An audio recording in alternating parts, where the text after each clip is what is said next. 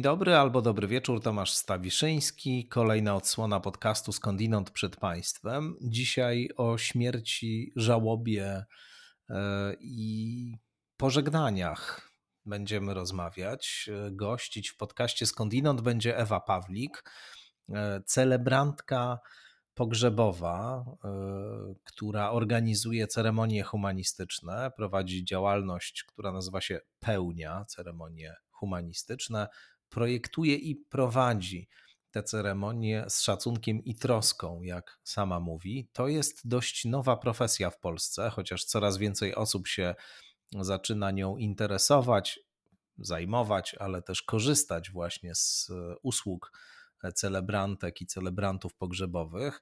E, tak jak w rozmowie to pada, oczywiście e, to nie jest e, super nowość, bo osoby zajmujące się humanistycznymi ceremoniami w Polsce wcześniej były i, i, są do tej pory. Natomiast no, ten zawód, który Ewa wykonuje, obejmuje jeszcze szereg innych aspektów, o których tutaj Ewa pomówi. Niewątpliwie będzie to bardzo ciekawe, bo no właśnie, to jest trochę rzeczywiście rzecz, która w Polsce dopiero się zaczyna rozwijać, na Zachodzie już istnieje, ale u nas to są dopiero pierwsze kroki. No i też oczywiście o tradycyjnych pogrzebach, a tych właśnie celebrowanych przez Ewę rozmawiamy, o religii i jej miejscu w kulturze, o tym jak się wycofuje i ustępuje miejsca innym formom radzenia sobie w cudzysłowie z sytuacjami granicznymi, no i o wielu jeszcze innych sprawach, które właśnie ze śmiercią, żałobą i pogrzebami się wiążą. Tutaj mówimy. Dzięki oczywiście tradycyjne dla wszystkich subskrybentek, subskrybentów, patronek, patronów podcastu Skądinąd. Dzięki dla firmy StrategyWise za wsparcie na Patronite rekordowe. No i wszystkim Państwu dziękuję za to, że jesteście razem, słuchacie, dajecie wyraz e, swojej sympatii, niekiedy również krytykujecie. Wszystko to jest bardzo cenne. Cieszmy się takimi sprawami, dopóki tu jesteśmy. Ewa Pawlik przed Wami.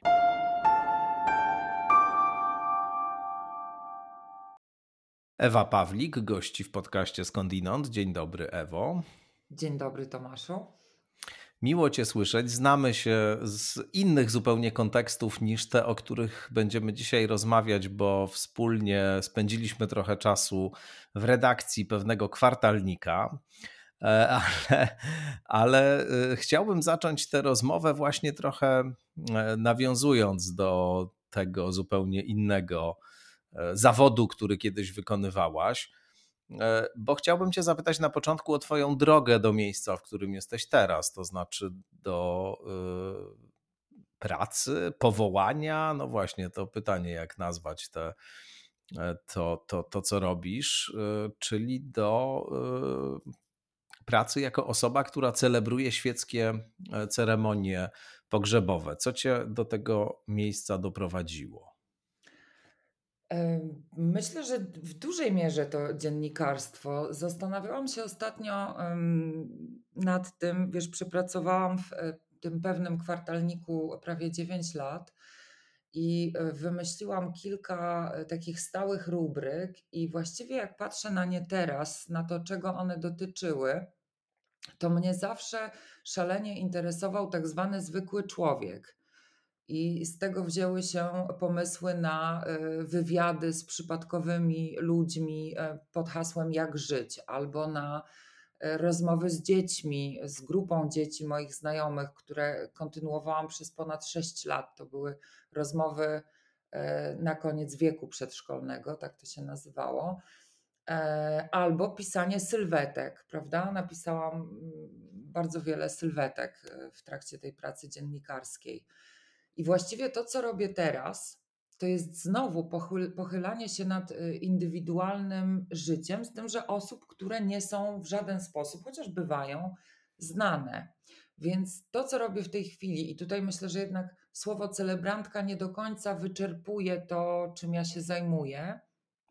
Taki jest termin oficjalny, tak? Celebrantka. Celebrantka, tak to się nazywa. czyli osoba, która prowadzi ceremonie świeckie, ale ja je nie tylko prowadzę, ja zajmuję się rodziną przed ceremonią, w trakcie, po. E, ja projektuję i prowadzę ceremonie humanistyczne. To jest trochę coś innego. Właściwie nie ma jeszcze odpowiedniego słownictwa na to, czym się zajmuję. To jest taka opieka około funeralna właściwie. I ona się w dużej mierze e, opiera na pracy z ludźmi, na rozmowach, na spisywaniu tego, na researchu. Więc właściwie, wiesz, to jest taki. W to rozwinęła się moja kariera dziennikarska. To bardzo ciekawe, że tutaj widzisz kontinuum właśnie, a, a nie zerwanie. E, to jest e, zawód czy profesja, która oczywiście nie jest nowa, bo i w Polsce od wielu lat takie osoby, które mm, zajmują się ceremoniami humanistycznymi są i, i takie ceremonie się odbywały, choć to właściwie była e, nisza do niedawna jeszcze, a teraz chyba zapotrzebowanie jest coraz większe, bo mm, dotąd myślę, no, w znacznej mierze panowało jednak takie przekonanie, że e, pogrzeb, e, no to jest pogrzeb katolicki, Kościół katolicki obsługiwał te sytuacje graniczne, jak narodziny, małżeństwo, śmierć w odniesieniu do znacznej części społeczeństwa, mm, także takiej, która wcale się z katolicyzmem jakoś specjalnie nie identyfikowała, no ale właśnie na zasadzie pewnego zwyczaju, tradycji oddawała te E, te doświadczenia w ręce e, Kościoła. Była jakaś niewielka grupa ludzi, którzy wyraźnie się uważali za pozostających poza tą instytucją, i dla nich była oferta a to pogrzebu świeckiego, a to właśnie jakiejś ceremonii humanistycznej, ale, ale dzisiaj chyba to się w ogóle zmienia i, i coraz więcej jest y, osób, które zainteresowane są właśnie taką formą e, pogrzebu, który e, niesie w sobie, jak rozumiem, pewne jakości, które właśnie w tej ceremonii religijnej były, ale zarazem w ramach żadnej zdefiniowanej denominacji religijnej się nie odbywa, tak? E, no nie, zdecydowanie nie, chociaż to nie jest, wiesz, wykluczone, bo tym, co się zmieniło, dobrze to opisałeś, że kiedyś ceremonie świeckie były skierowane głównie dla ludzi, których życie rozgrywało się zupełnie poza obrębem Kościoła katolickiego i jakiejkolwiek religii. Ale teraz w dużej mierze dzięki e, wytężonej pracy polskiego Kościoła katolickiego coraz częściej zgłaszają się do mnie rodziny osób wierzących, które już nie znajdują dla siebie miejsca w obrębie tej instytucji z różnych powodów.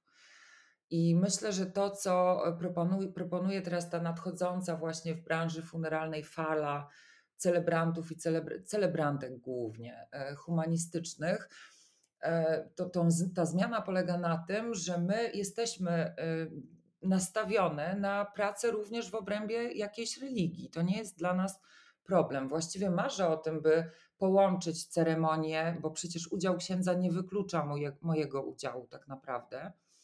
Ale tym, co e, wpływa na, na jakby coraz większą popularność tych pochówków, jest jednak to napięcie pomiędzy Kościołem a wiernymi, które, jak wiesz, jak wiemy wszyscy, e, ten rozdźwięk się tylko pogłębia i myślę, że, że w naszym kraju to akurat decyduje o coraz większej popularności tych pochówków. Ale to ciekawe, co powiedziałaś, że to się nie wyklucza z e, religijną ceremonią. Czy do, w dotychczasowej swojej praktyce miałaś do czynienia z tak, taki, taką sytuacją, że, że i ksiądz, i ty e, niejako uczestniczyliście w takiej ceremonii, czy, czy jeszcze ci się to nie przytrafiło? To mi się jeszcze nie przytrafiło, ale zdarzyły mi się już dwa e, pożegnania osób głęboko wierzących, gdzie akcentowaliśmy tą, e, tę wiarę i nie było to, no było to poruszone i, i obecne także w warstwie muzycznej, symbolicznej mm, i tak dalej.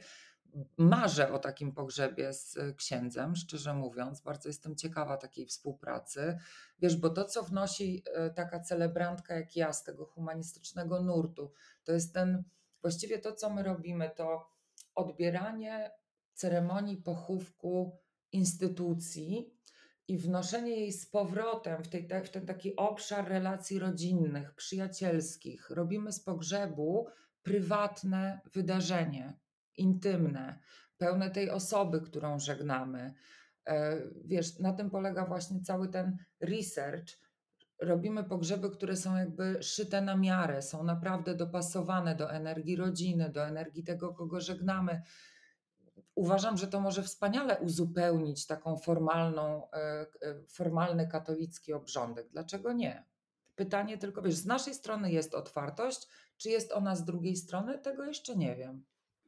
Ja bym chciał, żebyśmy tutaj wszyscy, czyli ja i nasi słuchacze i słuchaczki, dobrze właśnie zrozumieli, na czym do końca ta, ta rola polega, Twoja, jako celebrantki, właśnie, bo rozumiem, że znaczna część tego, co robisz, to jest po prostu taka praca organizacyjna, to znaczy zajmujesz się w odniesieniu do pogrzebu, przepraszam za to porównanie, ale trochę tym, co na przykład organizatorki czy organizatorzy ślubu w odniesieniu do ceremonii ślubnych, tak? To znaczy całą tę warstwę organizacyjną, jak rozumiem, bierzesz na siebie.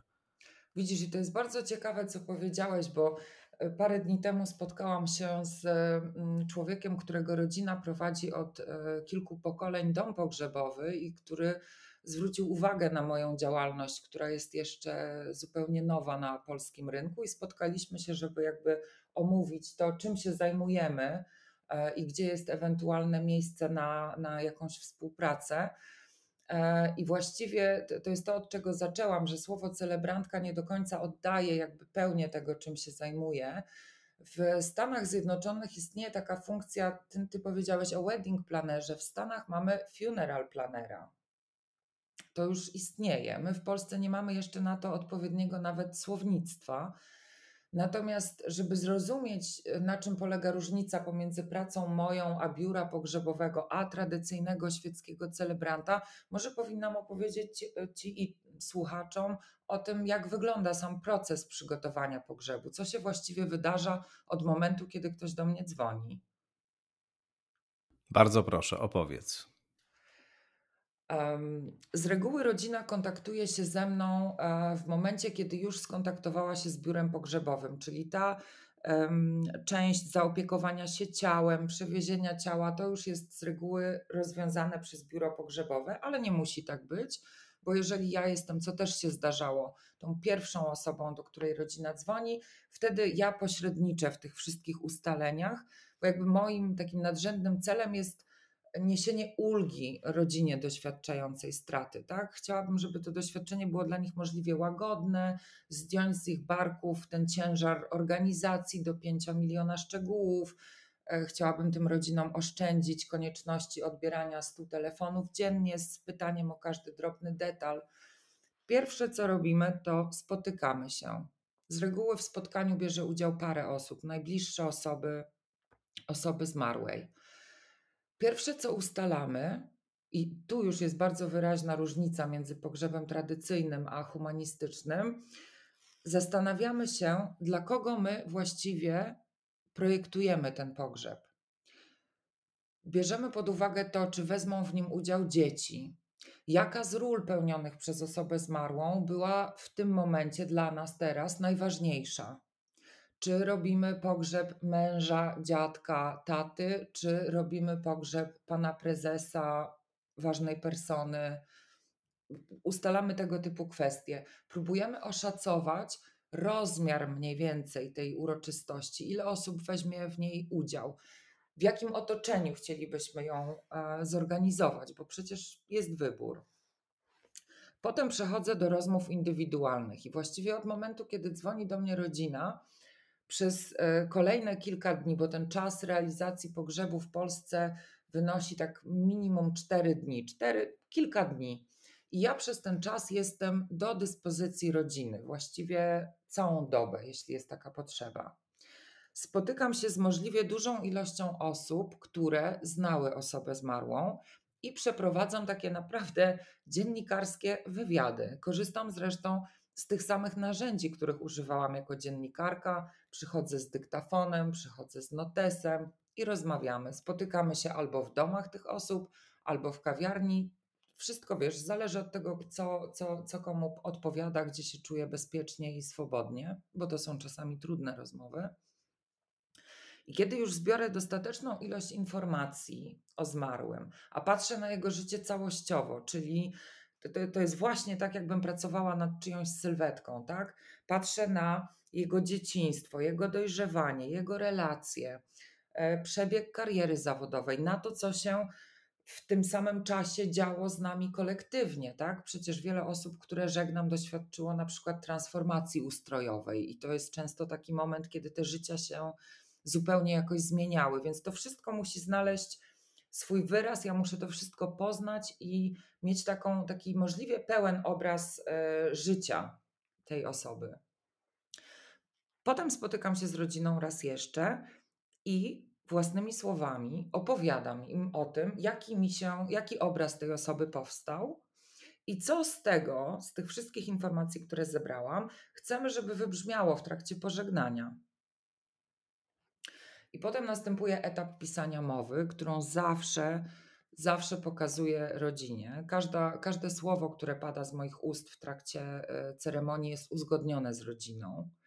I to nam narzuca, wiesz, na tym etapie, kiedy powstaje mowa, kiedy już wiem, kto, kogo można zaangażować w tę ceremonię, bo staram się, żeby rodzina, czy przyjaciele, czy partnerzy brali udział w tej ceremonii w różnych formach. I wtedy ustalamy sobie taki szkielet, scenariusz, scenariusz naszego pożegnania. I ten, e, ten harmonogram uzgadniam z biurem pogrzebowym, które też tu odgrywa pewną rolę, bo pracownicy biura często się pojawiają w e, ważnych momentach pożegnania, biorą w nich udział. Więc tworzę taki plik, do którego mamy wszyscy dostęp i tworzymy szczegółowy scenariusz. I tu czasami pojawia się potrzeba sprawdzenia takich detali, które myślę nie przyszłyby rodzinie nawet do głowy, rodzinie mogłoby nie przyjść do głowy, że można to sprawdzić, że w ogóle warto to sprawdzić. Ja na przykład bardzo dbam o stronę wizualną pożegnań i wiem mniej więcej, które biuro pogrzebowe jakim sprzętem dysponuje. I czasami wiem, że to może być niezgodne z, że, to, że ta stylistyka może nie odpowiadać rodzinie. Wtedy szukamy jakichś dodatkowych rozwiązań. I właściwie jesteśmy w kontakcie do tego aż do momentu pogrzebu. Czasami rodzina szuka e, jakichś niestandardowych usług. Wiesz, nie każdy chce tradycyjne wieńce z wstęgami. Naprawdę mamy coraz coraz takie ciekawsze wymagania, jeśli chodzi o pogrzeb. A ja dysponuję tą wiedzą i kontaktami. Mogę, mogę, mogę przekierować rodzinę do odpowiednich usługodawców czy, czy instytucji i tak dalej. I potem mamy samą ceremonię, która jest właściwie tym, e, jak, jak teraz pewnie to widzisz, to jest naprawdę mały fragment całej tej pracy, która się dokonuje wcześniej, prawda? E, przeciętnie e, z każdego pogrzebu, który, nad którym pracowałam do tej pory, mam potem około pięciu godzin nagrań rozmów z bliskimi. Więc to naprawdę jest taka dziennikarska, dziennikarska robota i wkładam dużo wysiłku w to i serca, żeby naprawdę poznać tę osobę, którą żegnam, żeby ceremonia, którą, na którą się w końcu zdecydujemy, była jak najbliżej energii tej osoby, jej stylu E, często zdarza mi się myśleć o tym, że jestem obserwowana przez tego, kogo żegnam, i mam nadzieję, że to, co robię, jest takie w zgodzie z tym, czego oni by sobie życzyli. A to jest bardzo ciekawe, co mówisz o tej, tym procesie właściwie tworzenia takiego obrazu tego człowieka, którego się żegna, e, długich rozmowach na jego temat, e, nagrywanych rozmowach, jak rozumiem, notatkach, które robisz i później, y, w momencie, kiedy już sama ceremonia się odbywa, to kiedy mm, wygłaszasz mowę, to jakby e, to życie, które się skończyło, podsumowujesz, jak jeszcze raz na nowo przedstawiasz tego kogoś wszystkim, e, którzy się zebrali, przywołujesz pamięć o nim, jak to wygląda? Do, do czego służy ten skrupulatny, długotrwały proces poznawania tej osoby? Wiesz co, kiedy w ogóle postanowiłam się tym zająć, to Właściwie tym, co mnie do tego e, skłoniło, czy naprowadziło mnie na to, było takie poczucie, że pogrzeby są czymś, co wydarza się, e, że to jest coś, co jest jakby, jest, jest taśmowa produkcja pogrzebów. Chodziłam na pogrzeby ludzi bliskich mi i znanych, w których e, i te pożegnania były jakby pozbawione jakiejkolwiek prawdy o tych osobach, ich klimatu. Nie? Wiesz, to mógł, to mógł być pogrzeb kogokolwiek. E, one w ogóle nie były spersonalizowane i to mi zawsze przeszkadzało. Na szczęście mamy instytucje stypy i właściwie zawsze to, co moim zdaniem powinno się wydarzać w trakcie pogrzebu, wydarza się na stypie. Wtedy przywołujemy historie związane ze zmarłym, prawda? Rozmawiamy o nim, e, wspominamy go z czułością, z, ze śmiechem często, z jakąś radością, z wdzięcznością za to, że był. I teraz, żeby te uczucia w sobie obudzić już w trakcie ceremonii, bo myślę, że trochę o tym te ceremonie są. Oddajemy hołd komuś, kto odszedł, celebrujemy jego życie. I dlatego staram się w trakcie takiej mowy poruszyć wiele aspektów z życia te, te, tego człowieka. Biorę pod uwagę to, o czym wspomniałam wcześniej, czyli to, kto będzie gościem tego pożegnania. I staram się wspomnieć o każdej z tych osób, czy o kilku wybranych osobach w trakcie mowy, żeby ukazać taką pełnię czyjegoś życia. Wiesz, kiedy na przykład tracisz rodzica, dla ciebie jest to takie oczywiste, że nie wiem, umarł tata ale umarł nie tylko tata, bo umarł też przyjaciel, umarł też mentor, umarł też czyjś kochanek, umarła czyjaś pierwsza miłość. Wiesz, ten wachlarz jest szalenie szeroki. I wydaje mi się, że warto to poruszyć w mowie pogrzebowej. Przypomnieć nam, że byliśmy kiedyś hmm. dziećmi hmm. i ten zmarły był też kiedyś dzieckiem jakimś. Ciekawe jest dla mnie bardzo, naprawdę bardzo to jest dla mnie ciekawe, kiedy pochylam się nad takim indywidualnym życiem, wiesz, ten proces dojrzewania, który przechodzimy w życiu, tej przemiany, tego, co na przykład z dzieciństwa jest jakimś kontinuum, które widać potem również o, wiesz, że widzisz tego małego człowieka również w tym 80-latku, którego żegnasz, a co się pojawiło z czasem. Wydaje mi się, że po prostu warto um, poświęcić trochę czasu na, na taką głębszą refleksję nad, to, nad tym, kogo żegnamy. No ja rzeczywiście też najczęściej, nie, nie zawsze może, ale, ale najczęściej na pogrzebach miewam takie wrażenie, że zwłaszcza jeśli są to pogrzeby kościelne, że to jest e, taśmowa sytuacja i że mamy do czynienia właśnie z takim e, odhaczaniem obowiązku, e, a niekoniecznie właśnie z jakąś próbą takiego realnego wmyślenia się i wczucia e, w to, co się rzeczywiście dzieje i, i jakiegoś oddania e, hołdu pamięci tego człowieka, który umiera, to, to, to oczywiście jest związane, jak przypuszczam, też z pewną e, koniecznością polegającą na tym, że jak się ma tych pogrzebów bardzo dużo, tak jak przypuszczam, księża, którzy w tych kościołach e, przycmentarnych funkcjonują, no to też trudno mm, wykonać za każdym razem taką pracę, jaką ty wykonujesz, ale, e, ale też no, często to rzeczywiście jest taka taśmowa sytuacja. Mm, I rozumiem, że to, co robisz, ma w jakimś sensie wypełnić lukę, którą, czy jakieś poczucie takiego zawodu nie, nie, nie wystarcz, czegoś niewystarczającego w odniesieniu do e, tego, co, co, co robią te instytucje religijne, że to jest e, taki pogrzeb ekstra, pogrzeb plus. Wiesz co, to się wzięło trochę z refleksji nad tym i z takim rzeczywiście realnym spostrzeżeniem, że pogrzeb i jego przebieg ma realny wpływ, e, bardzo silny, na sposób przeżywania później żałoby.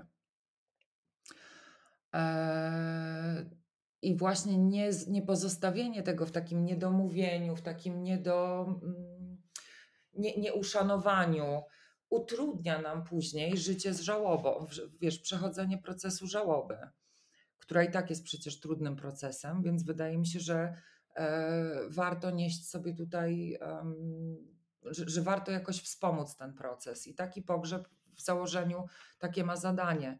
Ale też inna sprawa, Tomku, zwróć uwagę, nie wiem, czy przypominasz sobie, e, wróćmy może do Twojego dzieciństwa. Czy przypominasz sobie, jak wyglądały Twoje ósme, dziewiąte, dziesiąte urodziny? No, nie, nie pamiętam, wiesz, tego jakoś specjalnie konkretnie. Mam w głowie obraz jakichś obchodzonych w dzieciństwie urodzin, ale nie pamiętam takich poszczególnych, poszczególnych dat. Tak, ale to do czego zmierzam? Ja teraz mam córkę, która ma 10 lat i bywam często na urodzinach, wiesz, ósmych, dziewiątych, dziesiątych. I to są szalenie starannie przygotowane imprezy, często tematyczne, często tort jest tworzony na zamówienie i ma jakieś elementy, które są dziecku bliskie. Często pojawiają się animatorki, prawda? No to jest tak nie było wtedy. Tego nie Kiedy było. ja obchodziłem, tak. Dokładnie, dla, dlatego Cię o to zapytałam. Ja też nie. I myślę, że z pogrzebami jest trochę podobnie w takim znaczeniu, że do tej pory nie zdawaliśmy sobie sprawy z tego, że można to zrobić zupełnie inaczej. I wydaje mi się, że w Polsce być może zajdzie y, tego sobie życzę i innym celebrantkom i celebrantom, żeby zaszedł u nas taki proces, który, e, który się wydarzył w Holandii. E, ja jeździłam do Holandii uczyć się, obserwować pogrzeby Mm, i, i właśnie zdobywać wiedzę na ten temat.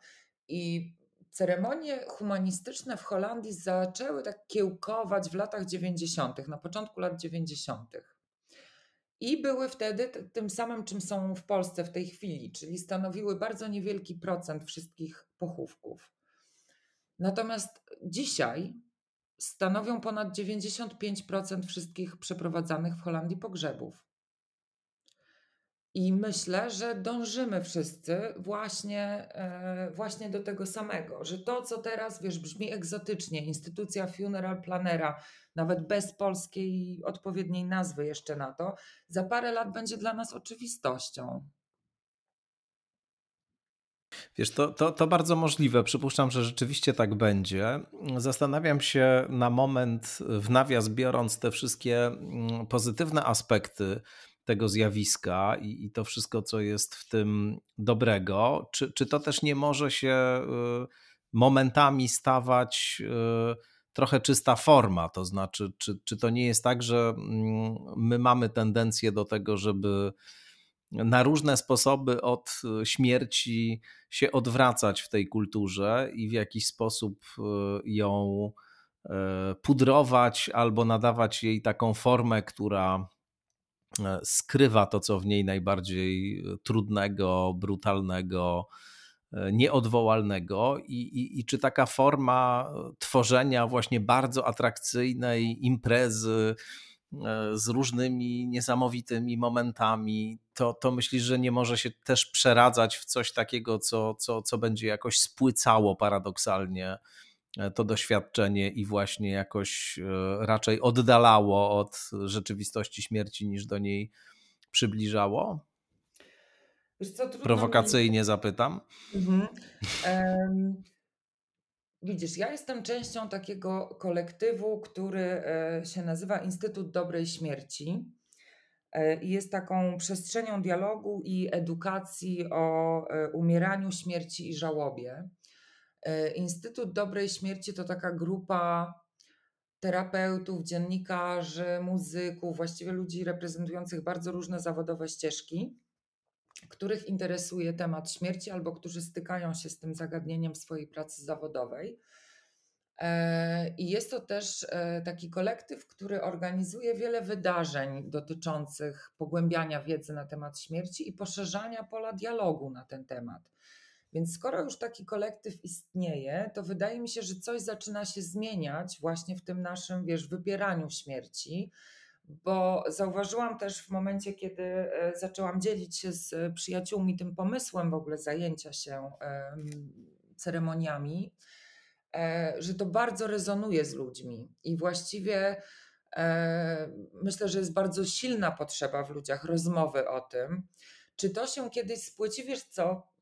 Pewnie tak, tak jak wszystko, za co się ludzkość bierze w pewnym momencie, prawda, po jakimś momencie rozkwitu, e, ma tendencję do, do zmieniania się w coś zupełnie innego, ale w tej chwili ten nurt humanistyczny w e, polskich pochówkach to jest naprawdę jeszcze promil. Ja mogę i zresztą chciałabym wymienić parę osób, które się tym zajmują. Dosłownie, i nas jest kilka. Były do tej pory tylko dwa szkolenia z projektowania i prowadzenia takich ceremonii. Po pierwszym, chyba nikt nie zajął się zawodowo e, organizacją pogrzebów. Po tym drugim, w którym brały udział prawie same kobiety, to też jest strasznie ważne, moim zdaniem, bo to jest ta wielka zmiana w, w tej branży funeralnej. Po tym drugim jest już w tej chwili w e, całej Polsce, tylko z tego mojego kursu, sześć celebrantek. Więc wiesz, to jest i dużo, i, i mało jednocześnie, prawda? I ja wiem, że te dziewczyny, które, które kończyły szkolenie ze mną i które działają pod egidą Instytutu Dobrej Śmierci, no myślę, że jednak podchodzimy do tego z ogromną uważnością i szacunkiem i naszym celem wcale nie jest, wiesz, bo nie wiem, jak wyobrażasz sobie te ceremonie, one wcale nie mają e, jakichś e, szalonych elementów. To, trochę nie w tym rzecz, wiesz, to bardziej chodzi o wykreowanie takiej atmosfery intymności, prywatności, pewnej czułości również.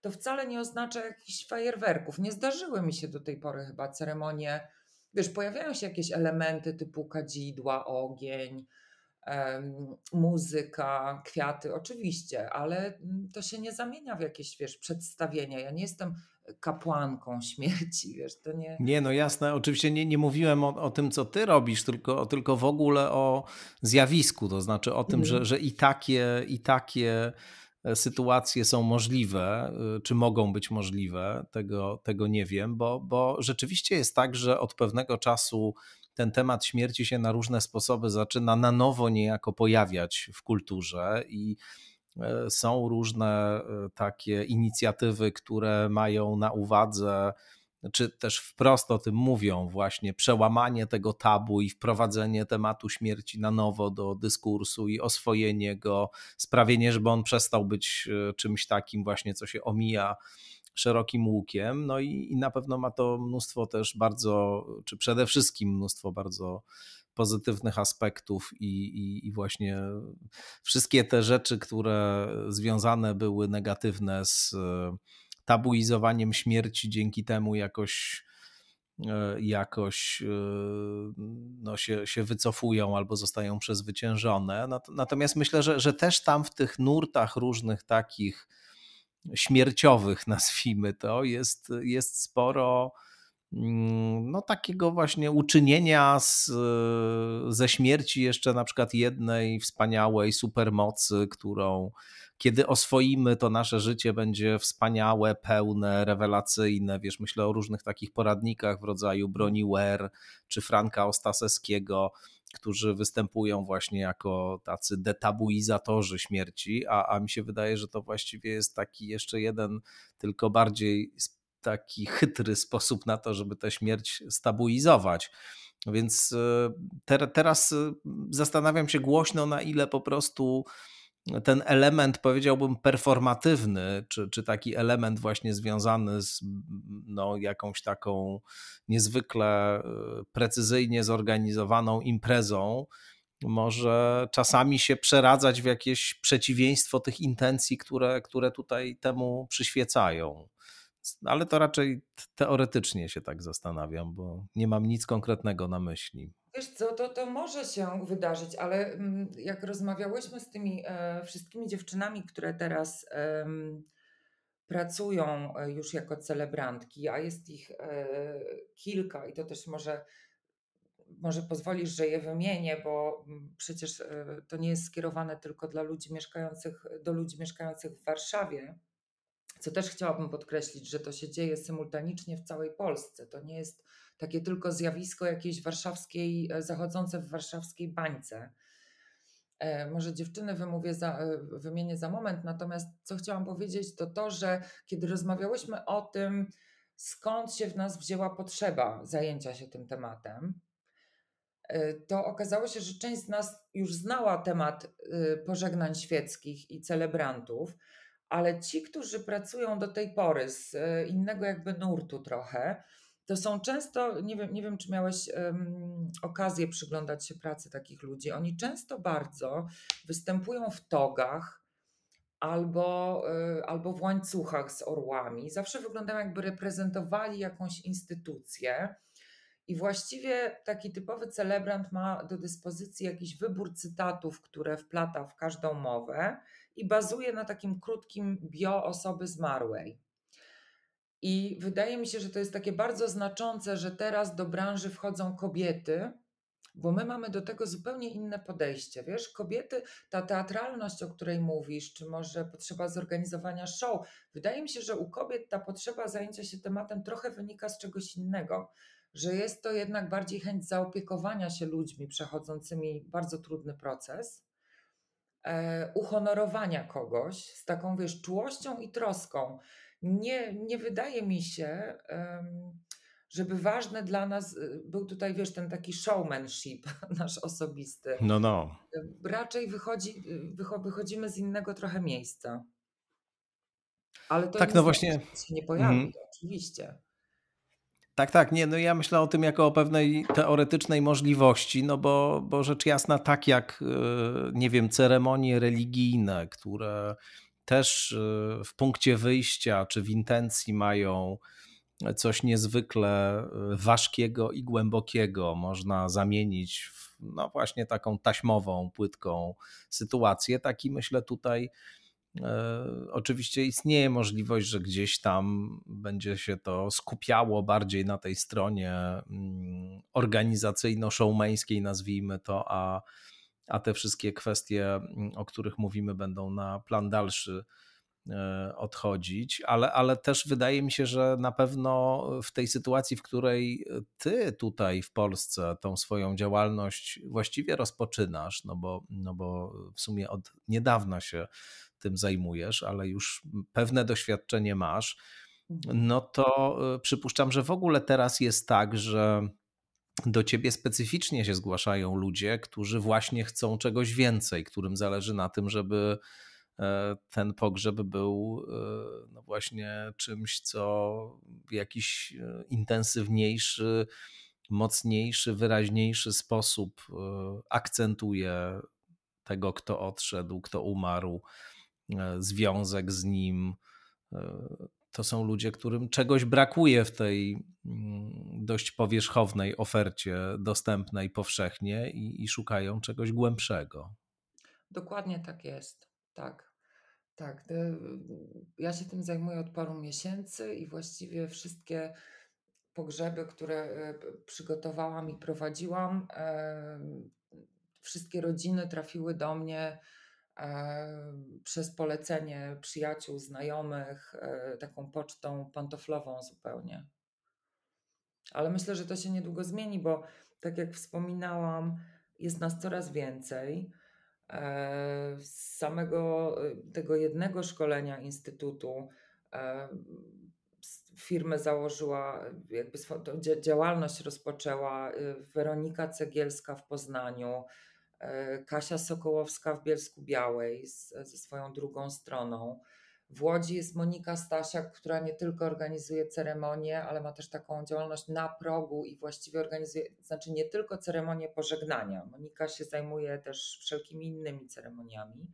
W samej Warszawie poza mną są trzy już celebrantki. Jest Angelika Rataj, jest Izabela Jachnicka, jest Dominika Gauza, jest oczywiście Ania Franczak, założycielka Instytutu Dobrej Śmierci. Ale to jest dużo i mało Mm, myślę, że jeżeli te pogrzeby staną się w Polsce popularne, to z całą pewnością przyciągną, wiesz, y, osoby, które, y, które będą do tej sprawy podchodziły inaczej niż my, kiedy stanie się to dobrym biznesem na przykład, tak? To zupełnie nie jest jeszcze ten etap, na którym my jesteśmy. A powiedz y, w ogóle, kto się do ciebie zgłasza? Nie chodzi mi oczywiście o to, żeby konkretnie opowiedzieć o tych osobach, kim są, czym się zajmują, tylko jakiś taki ogólny profil e, Twoich e, klientów. To będzie mhm. dobre określenie. Ciekawi mnie po prostu, jak to z Twojej perspektywy wygląda no tu też oczywiście ten element y, finansowo-klasowy, nazwijmy to, pewnie wchodzi w grę, bo przecież to są e, usługi komercyjne, więc wiadomo, że e, osoby, które mają środki do tego, żeby móc no właśnie zwrócić się do ciebie, czy, czy zatrudnić cię, bo to jest po prostu mhm. twoja praca, mogą sobie na to pozwolić. Natomiast no, jak to z twojej perspektywy wygląda? Wiesz co? Generalnie zdecydowanie częściej pracuję z e, ludźmi tak zwanego, e, nazwanego kiedyś, parę lat temu, nie wiem czy pamiętasz, był gorszy sort Polaków. E, to ja właśnie pracuję z tym gorszym sortem, czyli z ludźmi, którzy, oczywiście mówię to ironicznie, ale są to ludzie o poglądach zdecydowanie liberalnych, niekoniecznie stricte lewicowych, ale liberalnych, mm, otwarci na świat. To są z reguły, i tu masz rację, rodziny dobrze sytuowane, e, takie też, które, mm, które podróżują, które są otwarte na, e, na trochę inny, wiesz, sposób myślenia.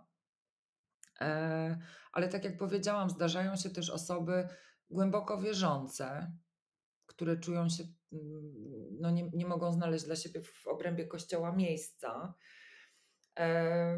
Do tej pory żegnałam tylko ludzi tak z pokolenia dla mnie, moich rodziców lub dziadków, e, więc pracuję głównie z dorosłymi ludźmi, którzy kogoś stracili. To też jest ważne ale chyba tych ludzi cechuje taka otwartość, wiesz, i, i pewna niezależność, no bo musi, musicie cechować jakaś niezależność myślenia, żeby organizować takie pogrzeby, bo trzeba też pamiętać, że właściwie w każdej ceremonii, którą do tej pory przygotowywałam, brali też udział ludzie e, głęboko wierzący. Czasami, wiesz, ten, ten, żadna rodzina nie jest idealna, w każdej jest jakaś mm, różnica poglądów i to też trzeba temu wszystkiemu znaleźć miejsce, prawda? Żeby, żeby ta ceremonia jednak w miarę odpowiadała wszystkim, którzy będą w nią zaangażowani.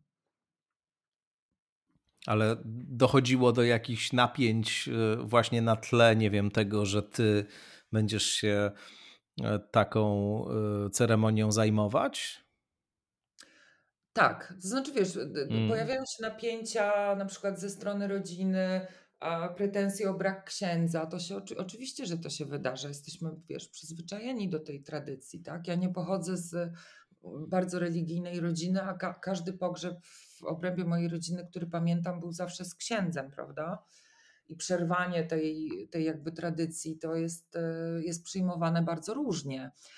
Ale... Nie no niewątpliwie w Polsce i, i to już wcześniej troszkę o tym mówiliśmy, na moment ci tylko wejdę w słowo, mhm. wciąż jeszcze Kościół katolicki, pomimo tego, że jest odpływ e, wiernych od długiego czasu, że jest kryzys wizerunkowy tej instytucji e, i że no jej wpływy i jej pozycja wyraźnie w ostatnich latach słabną, to jednak e, monopol na sytuacje graniczne cały czas Kościół katolicki ma na, na rodziny, na związek małżeński i na śmierć. Y, po drodze jeszcze różne inne elementy też tam się mogą zdarzyć, ale to są te najważniejsze. Też dlatego, że po prostu nie ma innych języków, którymi można mhm. mówić o tych doświadczeniach, y, jakoś uwzględniając ich taki niecodzienny, y, fundamentalny, absolutny, także metafizyczny wymiar. No, to rzeczywiście wszystko przez Kościół zostało całkowicie zmonopolizowane z różnych powodów, ale też e, no, nie powstały jeszcze takie perspektywy czy takie języki, w których dałoby się o tym po prostu inaczej mówić. Więc to rzeczywiście jest taka bardzo pionierska praca, którą wykonujesz w tym sensie również. Tak, wiesz, te, mm, ten, to nieistnienie odpowiedniego języka to jest coś, co my w naszej pracy celebrantek jakby odczuwamy właściwie każdego dnia. I dlatego też, jak e, pracuję z e, jakąś rodziną, to bardzo delikatnie i bardzo szczegółowo ustalamy w ogóle słownictwo, którego, e, które będzie, słowa, z których będziemy korzystać. Nie każda rodzina jest gotowa na, na przykład nazwanie śmierci śmiercią i czasami trzeba powiedzieć, że ktoś odszedł. To jest rzeczywiście coś takiego, e, wiesz, musimy wypracować tutaj nowy język i zaczynamy to robić. Im więcej tego dialogu o śmierci, im więcej osób, które są otwarte na, na te rozmowy i e, inicjują jakieś wydarzenia typu kręgi śmierci, czy Dev Cafe, czy kręgi żałobne, bo takich inicjatyw jest coraz więcej w Polsce, tym lepiej. Wypracujemy sobie to. Myślę, że jeżeli spojrzymy jednak na kraje Zachodu, gdzie to też nie było przecież tak jak we wspomnianej Holandii, czymś oczywistym jeszcze niedawno, a teraz jest jednak najpopularniejszą formą, to myślę, że z dużą dozą prawdopodobieństwa możemy przypuszczać, że u nas będzie podobnie. Natomiast nigdy, właśnie wiesz, to, to co pytałeś, są, są konflikty w rodzinie, natomiast nie zdarzyło mi się nigdy, żeby po ceremonii e, ktoś dalej miał pretensje o to, jak ona, jak ona wyglądała, wiesz? Że chyba może w tym lęku przed ceremonią inna niż, niż katolicka, taka sformalizowana, taka, która ma jakiś określony przebieg. Dużo jest takiego lęku przed nieznanym po prostu. I też Kościół bardzo nam wpaja, że jakby nie ma wartości poza, poza wiesz, poza kręgiem wartości katolickich, co jest nieprawdą. I te ceremonie, które robią celebrantki humanistyczne czy celebranci, są tak pełne szacunku, wiesz, przede wszystkim szacunku, że właściwie nie, i nie słyszałam też, żeby ktoś z moich znajomych, którzy to robią, e, musiał później wysłuchiwać pretensji na ten temat. Zupełnie nie.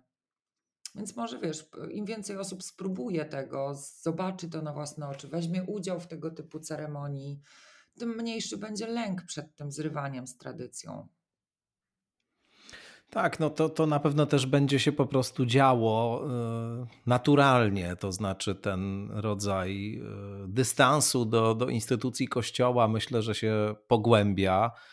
Y, to, że akurat właśnie tego typu usługi się pojawiają czy, czy rozwijają, jak to, co ty proponujesz, to też jest tego przecież przejaw i, i, jeszcze myślę, że kilkanaście lat temu w Polsce nie, nie byłoby to takie łatwe, choć jak powiadam, były osoby, które takie klasyczne świeckie ceremonie e, prowadziły czy, czy przeprowadzały. No tutaj to jest taka działalność, która obejmuje jeszcze kilka innych wymiarów, ale, ale to rzeczywiście jest mm, pytanie, na ile mm, tego typu działalność, jak ty to sama widzisz, e, no jest też próbą właśnie jakiegoś szukania nowego języka do rozmawiania o takich doświadczeniach jak śmierć, właśnie, czy o takich wymiarach życia.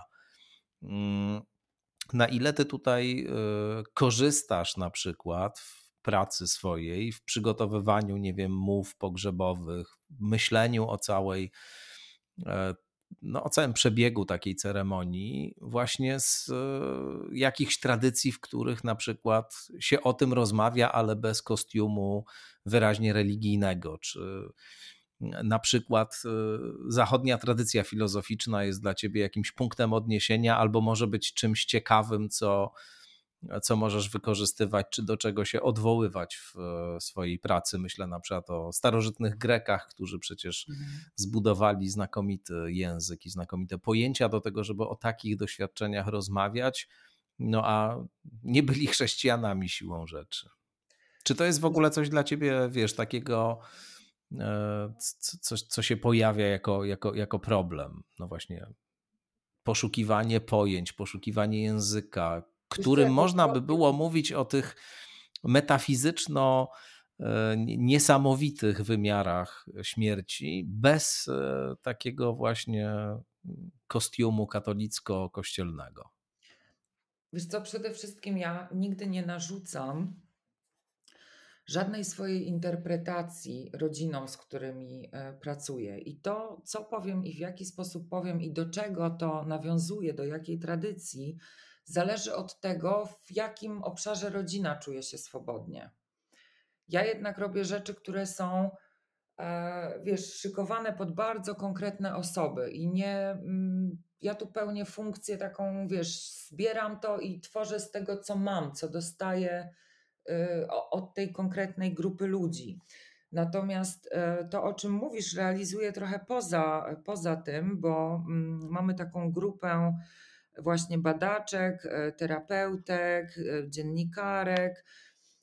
Mamy swoją, wiesz, mamy swój, swoje miejsce wymiany myśli i dzielenia się specjalistyczną wiedzą i też literaturą i filmami. Jesteśmy bardzo aktywne w takiej grupie, która się zamkniętej E, która się nazywa Osobiste Ceremonie, i też w dużej mierze dzięki temu, że jesteśmy e, kobietami z bardzo różnych, zajmujących się bardzo różnymi rzeczami w życiu zawodowym. Więc ta wymiana jest szalenie ciekawa i non-stop polecamy sobie lektury, wykłady, szkolenia. To jest nie, nieustający, wiesz, e, proces kształcenia się i poszerzania swojej wiedzy. To się, myślę, że to się nie skończy nigdy. No tak, to, to, to rzecz jasna jest proces, który nie ma, nie ma końca. A powiedz, e, bo zastanawiam się cały czas jeszcze nad e, miejscem tego nowego stosunkowo zawodu w krajobrazie, w krajobrazie polskim. Mm, jak e, sama widzisz perspektywy tego i jak w ogóle się czujesz w tej roli, w tym miejscu, w którym teraz jesteś? Mm. Wiesz, jestem, jestem przeszczęśliwa, że, y, że pojawił się taki pomysł w ogóle na, y, na mojej drodze, bo to, to się narodziło organicznie, właściwie w trakcie stypy po partnerze mojej przyjaciółki wtedy ktoś mnie zapytał, dlaczego nie zajmuję się pogrzebami zawodowo, i to był taki klasyczny moment iluminacji. I potem, jak, jak to często jest, kiedy właściwie wkraczasz na jakąś taką ścieżkę, w której jest ci wygodnie i gdzie masz coś naprawdę do zaoferowania, rzeczy pojawiają się organicznie, tak? Informacje o kolejnych, nie wiem, szkoleniach czy krokach, które musisz podjąć. E, więc to się działo do tej pory tak bardzo naturalnie i rozwijało się tak swobodnie, wiesz, jak roślina, która rośnie. Teraz zaczynam się zastanawiać bardziej nad, nad takimi już twardymi realiami, tak? czyli właśnie nad tym, że jest to praca, która niekoniecznie gwarantuje jakąś ciągłość. Mogę mieć miesiące, kiedy pracuję dużo, i mogę mieć miesiące, kiedy nie pracuję wcale. E, I to jest taka rzecz. Myślę, że do tej pory większość ludzi zajmuje się tym trochę jako pracą dodatkową. No a chciałybyśmy, żeby to było nasze y, główne zajęcie. Trochę się spodziewaliśmy wszyscy w instytucie, że to, co robimy, może być słabo odbierane przez istniejące biura pogrzebowe, przez to, że jakby proponujemy trochę coś innego, wprowadzamy zamęt, wiesz, wytrącamy z takich utartych jakby schematów działania, ale ku mojemu zdziwieniu e, w ogóle tak nie jest, bo myślę, że praca celebranta czy funeral planera niczego nie ujmuje e, biurom pogrzebowym, a wręcz poprawia ich relacje z klientem. Więc e, liczę na to, że e, coraz więcej biur też obudzi się do, do, do, do, takiej wiesz, chęci współpracy z nami, co wydaje mi się konieczne, żeby to się mogło dalej rozwijać.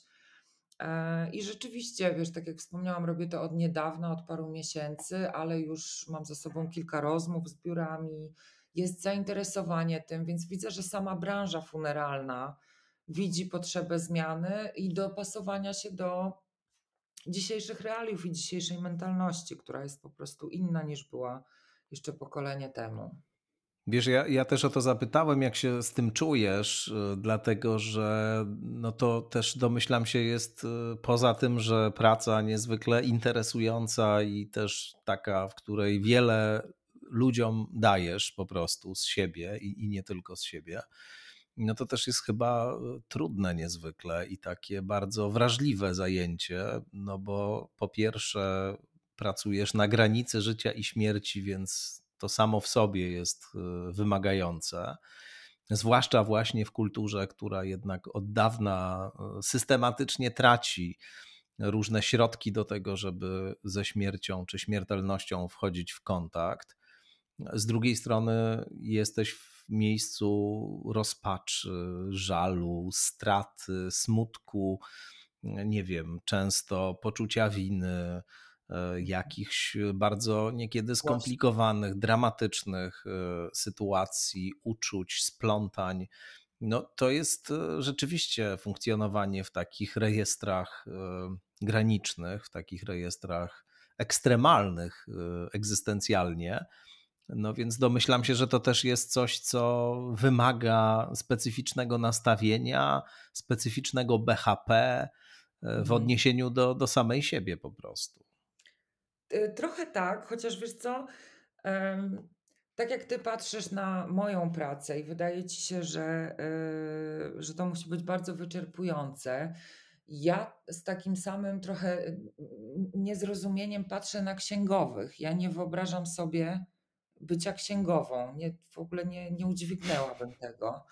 Pozdrawiam moją księgową przy okazji, panią Katarzynę. Jest wspaniała. Bardzo, bardzo jest mi potrzebna i naprawdę jestem za nią wdzięczna. Więc jest to kwestia pewnych naturalnych predyspozycji. To jest praca, wiesz, od, tak jak wspomniałam, jak wygląda w ogóle ta praca, czyli od pierwszego telefonu rodziny ja wchodzę na takie bardzo wysokie obroty i pozostaję na nich przez kilka dni. Mi to akurat bardzo odpowiada.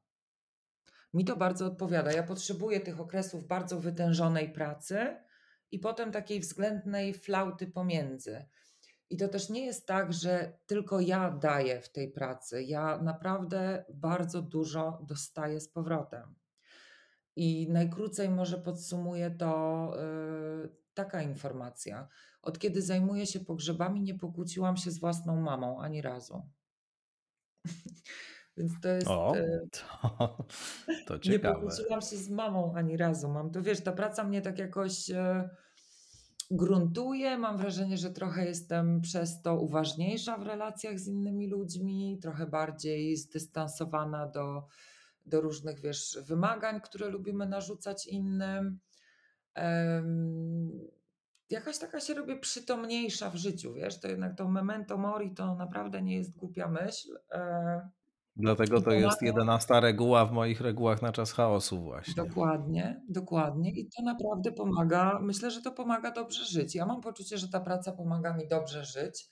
W takim sensie, że po pierwsze mam naprawdę poczucie, że to, co robię, jest przydatne. Po drugie, że przeglądanie się w tych życiach osób, które żegnam, e, sprawia, że też inaczej patrzę trochę na moje życie i na moje relacje. No a mam tak, tak jak to BHP, które wspomniałeś, oczywiście są takie, wiesz, pewne zasady, tak? Zawsze po pogrzebie mam taki dzień totalnie domowy, kiedy gotuję, jestem z córką, przychodzą jakieś dzieci na nocowanie. Zawsze jest taki powrót, wiesz, powrót do, do takiej rzeczywistości codziennej, do tych, do tych małych rzeczy. Myślę, że to jest dobra puenta naszej rozmowy. Bardzo serdecznie Ci dziękuję. Tak, tak, zdecydowanie. No, ale też takie przesłanie, które tutaj dajesz, no, że to ma realną e, moc e, transformacyjną. Oczywiście, jeśli się faktycznie to uzna, czy faktycznie się jakoś e, w stronę myślenia o śmierci zwróci, nie na zasadzie jakiegoś fantazmatu albo intelektualnej idei, tylko na zasadzie jakiegoś głębszego doświadczenia czy, czy przeżycia, bo rzeczywiście to mm, z tego, co mówisz, właśnie tak wygląda. Mm. Tak, myślę, że warto, warto pamiętać, że to się wydarzy i też tak z mojego doświadczenia mogę powiedzieć, myślę, że to może się słuchaczom przydać, że z tej perspektywy takiego pożegnania nie, niezwykłe jest to, jak mało ważna okazuje się praca i kariera. To jest taki truizm, ale, um, ale naprawdę w takim momencie granicznym bardzo widać, że całe nasze życie opiera się na relacjach z innymi, tylko i wyłącznie. To są te istotne kwestie. Tak, o tym dobrze pamiętać. Bardzo Ci dziękuję raz jeszcze, Ewa. Ja również dziękuję. Ewa Pawlik gościła w podcaście Skądinąd. Dziękuję bardzo raz jeszcze i Państwu też dziękuję. No i do usłyszenia w kolejnych odsłonach Skądinąd.